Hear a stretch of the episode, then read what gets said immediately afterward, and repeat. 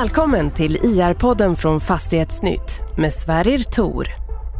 I detta avsnitt hör vi Ulrika Hallengren, VD för Vilborgs, kommentera Q3 2020. Intervjun spelades in på Vilborgs kontor i Malmö. Men först lite fakta och nyckeltal.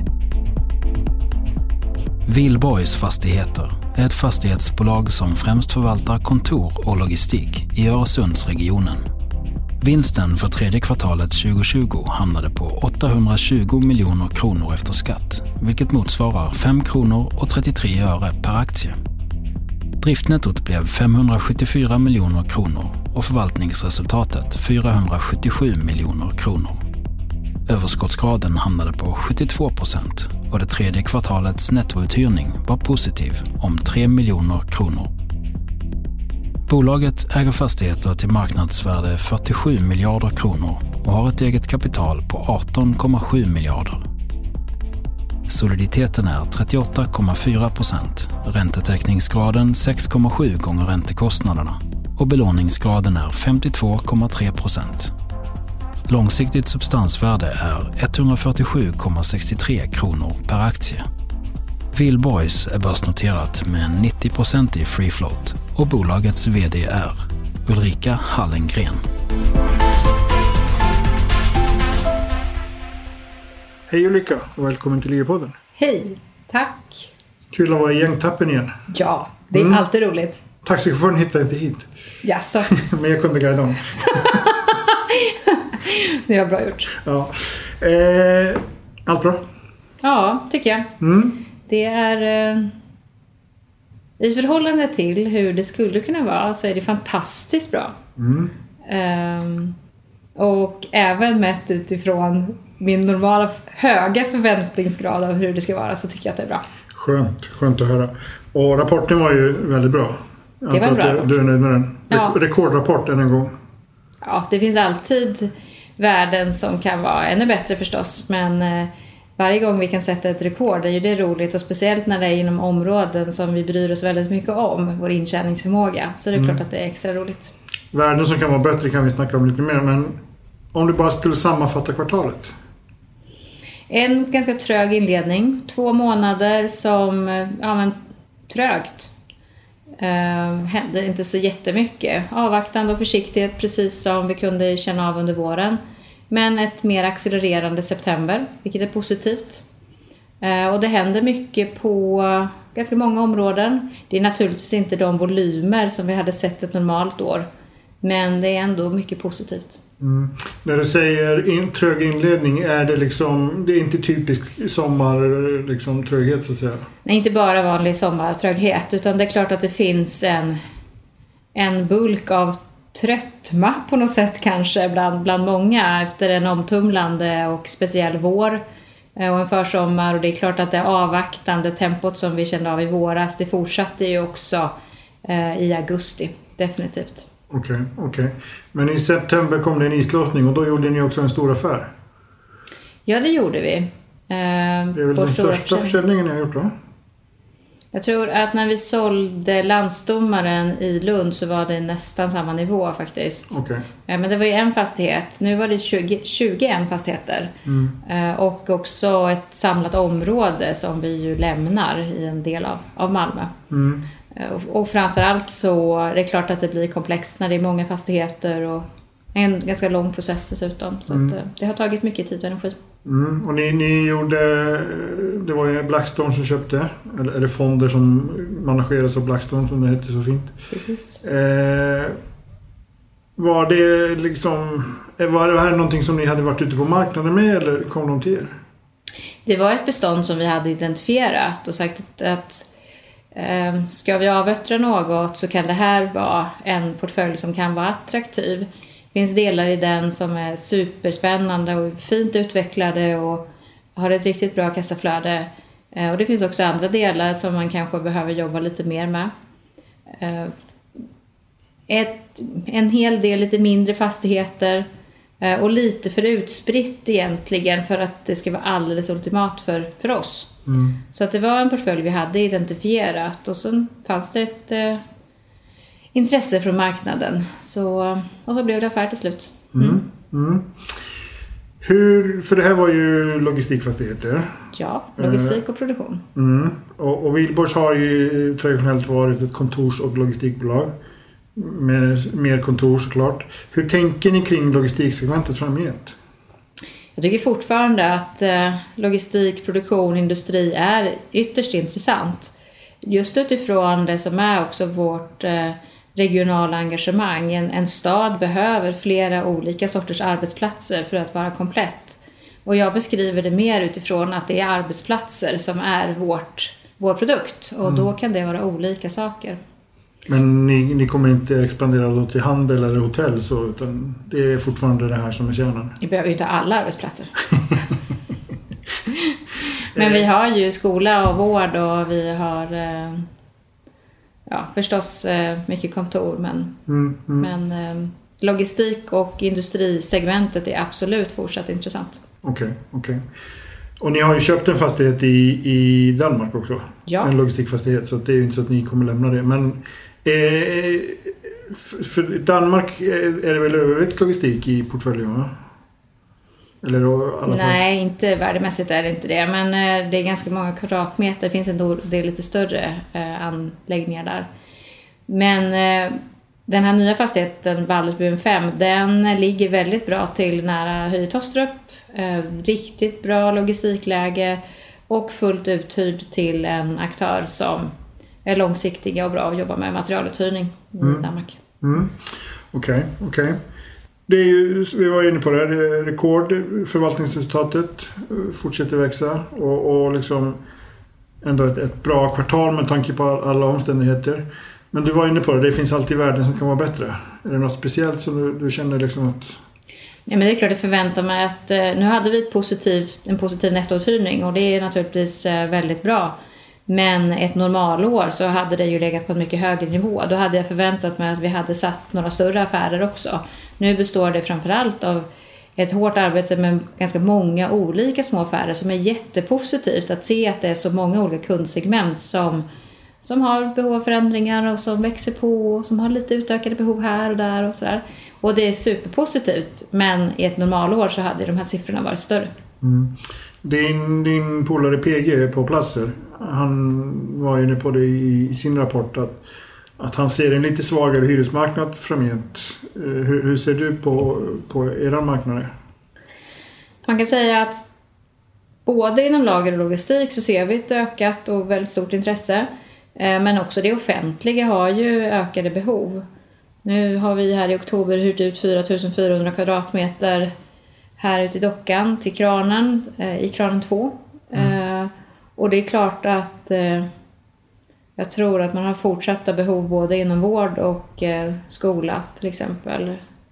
Eh, Vissa delar av kontorssegmenten kanske fortsätter att vara lite avvaktande. Jag känner inte av någon tendens till att man har signalerat några behov av några minskningar på något sätt. Okej.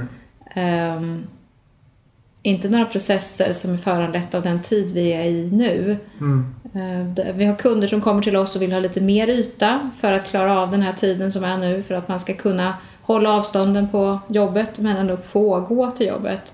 Men de allra flesta upplever jag klarar av att hålla en bra distans tack vare att man kan kombinera hemarbete med viss närvaro på jobbet. Och då beror det lite på hur man har ytorna konfektionerade. Om man kan tillåta att så många som 50% är på jobbet eller om man måste hålla det på lägre tal. Mm. Mm. Eh, så att eh, det är klart att jag, jag, jag tror att den här försiktigheten finns ändå kvar till viss del. Eh, Och kommer att finnas kvar kanske kommer finnas kvar, ja precis. För vem vet vart olika sätt att jobba på tar vägen fullt ut och hur stort kommer vi hur kommer vi må av att på lång sikt jobba på det sätt som, som många tvingas göra idag? Eh, vilka effekter får det? Jag kan vara lite fundersam på vad som händer med vår produktivitet. Jag märker ju själv, vi är alla olika som individer men, men eh, jag är inte gjord för att eh, sitta på egen kammare och jobba, det kan jag säga. Jag, jag behöver träffa människor för att eh, utbyta idéer och tankar och så. Kan jag, kan jag känna, mig känna igen mig själv i också. eh, men det är lite intressant i det här sammanhanget. Det är lite samma som i Göteborg. Det finns ju väldigt mycket kvadratmeter i pipeline. Nu har man kanske inte kommit lika långt här i Malmö eh, med den pipelinen som i Göteborg. Där det är ju sparing i marken på, på vissa håll. Om man till exempel tar, tar uh, Nyhamnen och, och, och, och, det finns ju fortfarande planer i Hyllie som inte är, är liksom realiserade. Känner du liksom att det finns något hot mot kontorsmarknaden i, i och med att de här, eller att de här planerna inte kommer realiseras i, i den tid man hade tänkt? På grund av att, att marknaden håller på att vika? Nej, jag ser det som att vi har en bra stabilitet i, i marknaden. Sen kanske vissa saker kommer ta lite längre tid förstås än vad de hade gjort i ett eh, annat eh, konjunkturläge. Mm. Men jag ser inte det som ett hot. Det är klart att vi måste anpassa oss till den verklighet vi, vi har. Eh, det är inte så att vi på något sätt har förbyggt oss. Det är inte Nej. så att vi sitter med någon, någon stor stock i marknaden som blir svårt att få avsättning för. Eh, utan jag ser det som att det är en marknad i ganska bra balans. Eh, men att det är precis samma diskussion som har varit under flera år tillbaka. Att Malmö har haft en möjlighet att bygga mycket och upptagningen har varit väldigt stor. Så eh, jag tror att vi kommer få se nya projekt som spaden sätts i marken på också här framöver. Men Okej. precis som tidigare, inte alla på en gång. Mm. Och det är inte så att man börjar, börjar riva nya kontorshus bara för att de står tomma. Nej, definitivt Det, inte. det vore jobbigt. Eh, Köpenhamn hade ju en sån period Jo, när man precis. byggde väldigt, väldigt mycket och hade eh, statligt stöd eh, i, i de processerna. Och eh, det var liksom väldigt förmånligt att, att bygga nytt. Mm. Och det är ju en, någonting som man har brottats väldigt länge med, alla Mm. de överytorna som man då hade. ja, det är inte mer än 15 år sedan man höll på att bygga för mycket. Precis. Du var ju lite inne på det här med, med eh, i vd-ordet och, och du har varit inne på det i, här i podden redan också. Att, att dels det här med liksom att nära arbet, arbeta nära kunderna. På ett kanske lite annat sätt än vad man gjorde, innan pandemin. Eh, det är de mindre bolagen som står för, för upptagningen av ytor. Alltså- Jag ska inte säga att det är de mindre bolagen. Men det är en mosaik av olika sorts bolag och det, kan, det är inte de stora avtalen. Utan det är mindre tillägg kan det också Mm. Okej, vara. okej. Så att det är inte... Men visst, det är inte de största bolagen. Det är Mm. inte. Jag, jag vill komma lite till det här med liksom vikten av att känna sin kund, vikten av liksom att det finns ett men frodigt eh, näringsliv där, där liksom entreprenörer kan, kan bygga, börja bygga bolag och så vidare. På något sätt är ju sådana här utvecklingar som vi har haft nu med pandemin är ju någonting som accentuerar sådana just de frågorna. Liksom att, Absolut, jag tror att vi har... Vi brukar ju prata om det, just den här mosaiken av olika teknikområden och olika... Eh, jag menar, en, bred flora inom olika ämnesområden som, som bygger det totala näringslivet i den här regionen och att det är väldigt positivt också för en långsiktig stabilitet. Vi ser vissa näringar som blomstrar naturligtvis, som har, som har en snabb, snabb tillväxt. Men just den här mosaiken gör att innovationer kan komma inom de mest oväntade områden. Malmö är ju också en väldigt innovationsrik stad. Det startas otroligt mycket nya bolag här. Eh, Alla blir inte blomstrande Eh, verksamheter. Men rätt som det är så är det några som ploppar upp och det är ju naturligtvis positivt. Och då behöver man vara nära och i för att liksom kunna både supporta men också lyssna på hyresgästerna. Vad, är de, vad har de för förändrade behov och hur kan vi eh, hjälpa till där? Mm, mm. Och det här med, med att vara lokal. Jag, jag, en, en fråga som jag har blivit lite fascinerad av. Jag, i, I den lilla byn där jag bor, Dalby, här, här utanför Lund. Det finns en... Ja, det, finns, det finns inte många företag alls. Men det finns eh, sådana här små bageri, en, en liten Hemköp. Och det går ju jättebra för dem. För att de har ju kundlojalitet. Vilket de stora aktörerna inte alltid har. Det känns ju som att det kan ju vara vägen ut ur både handelns, handelns problematik och, och just den här pandemin. Att man bygger relationer istället för att bygga relation och unikitet och det där speciella, det, det har vi ju sett under flera år att det är en intressant faktor. Eh, Du vill inte vara en i, en i mängden utan eh, man vill verkligen ha något särskilt och så fungerar ju vi som privatpersoner och individer också. Att det är klart att du hellre lägger dina pengar där du känner någonting Mm. extra. Jag gillar att gå till det bageriet och det får jag ju skälla av läkarna nu med.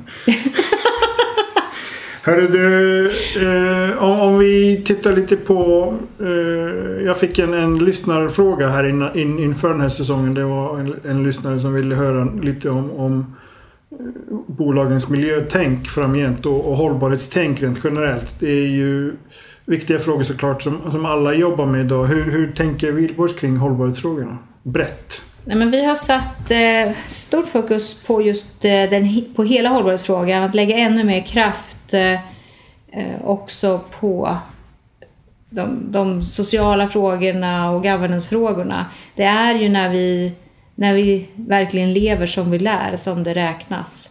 Det är klart att vi, precis som många andra, har tränat oss i många år på att bygga på bättre sätt och att miljöcertifiera på de bästa nivåerna. Att bygga riktigt energieffektivt. Välja rätt material som ska vara både beständiga och spara transporter och annat. Men att verkligen titta på hela kedjan. Hur lever vi som bolag? Vi hade för många år sedan en fasadvepa. En kampanj där det stod ingen grön fasad. Som var just det här att ja, men, vi vill inte bara snacka om det, vi vill verkligen leverera och göra. Och det är viktigare för oss. Och jag gillar verkligen det. Ehm, sen behöver vi se till att vi hänger med på det området. Vi har ju byggt om vår organisation i år för att fokusera mer på det. Lagt in flera delar i det som vi kallar för hållbara affärer. Ehm, där har vi allt ifrån hela HR-området och inköp och förstås alla, alla samarbeten men också självklart miljö och driftsfrågor. Det gör att vi ska kunna sätta mer fokus på, på hela området och vi har också tydliggjort vilka mätetal som vi, som vi följer upp det på. Vi deltar i diverse eh, gemensamma branschengagemang både för att utveckla certifieringssystem, driva frågorna framåt kring här i Malmö har vi Lokal färdplan Malmö 30 som är ett initiativ för att bygga klimatneutralt till 2030. Och det förstår vi alla att det är ju extremt utmanande om vi inte ska använda kompenseringsmodeller. I fjol försökte vi skapa lite debatt genom att gå ut och säga att vi var klimatneutrala i vår svenska förvaltning redan i fjol, 2019. Och ja, det var vi. Ehm, men, och det var klart att vi fick kompensera för att klara det även om vi egentligen har väldigt låga eh, tal med tanke på att vi kan köpa god, bra producerad el, värme och kyla. Men jag hade hoppats att vi skulle få till en diskussion om det. Är det här verkligen rimligt att vi kan mäta på det här sättet? Var är det vi har falluckor? För det fattar ju alla att det är rent bisarrt att man ska kunna påstå att man är klimatneutral när vi förstås påverkar vår omgivning jättemycket. Jag fick inte en enda fråga och jag är så besviken över det.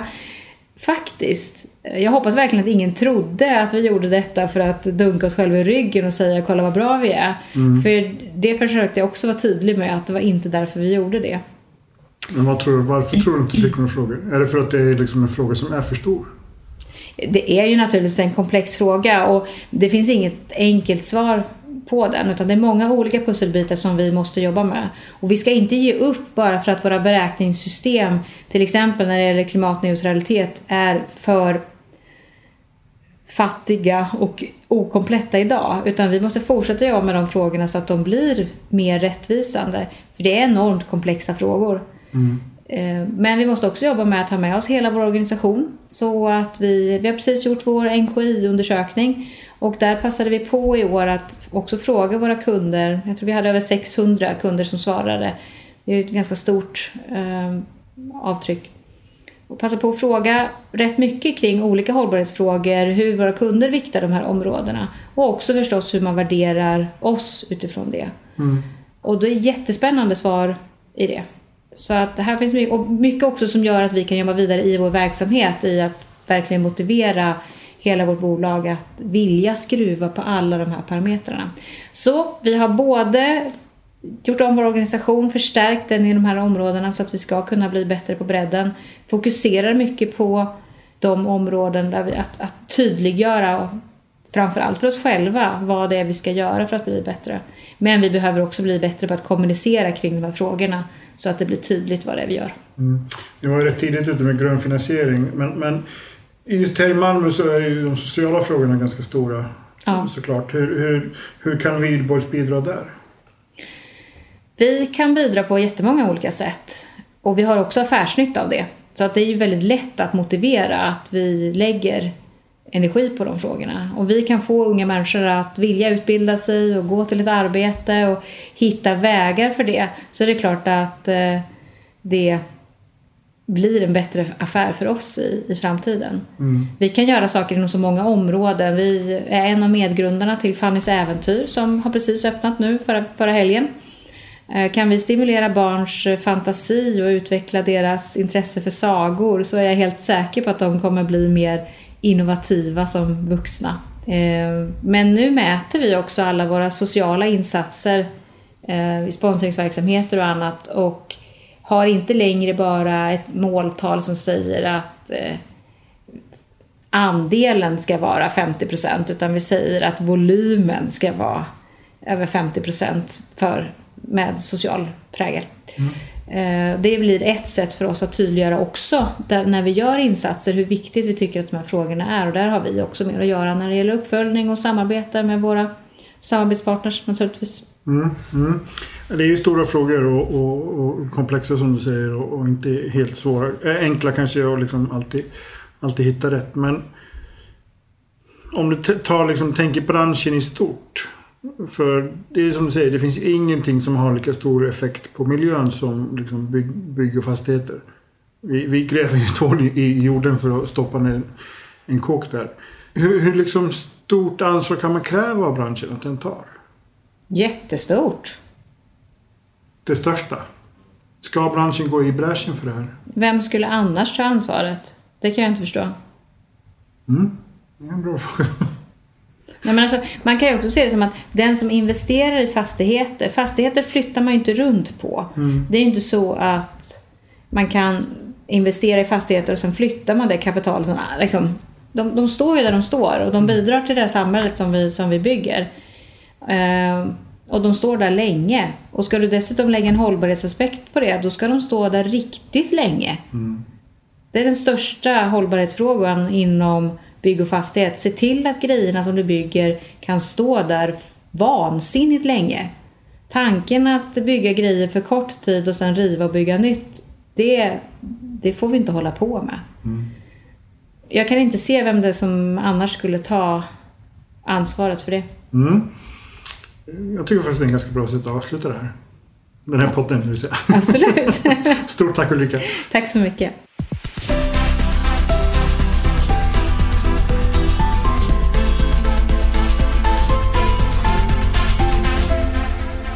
Det här programmet görs på Beppo. Beppo. Beppo. Beppo.se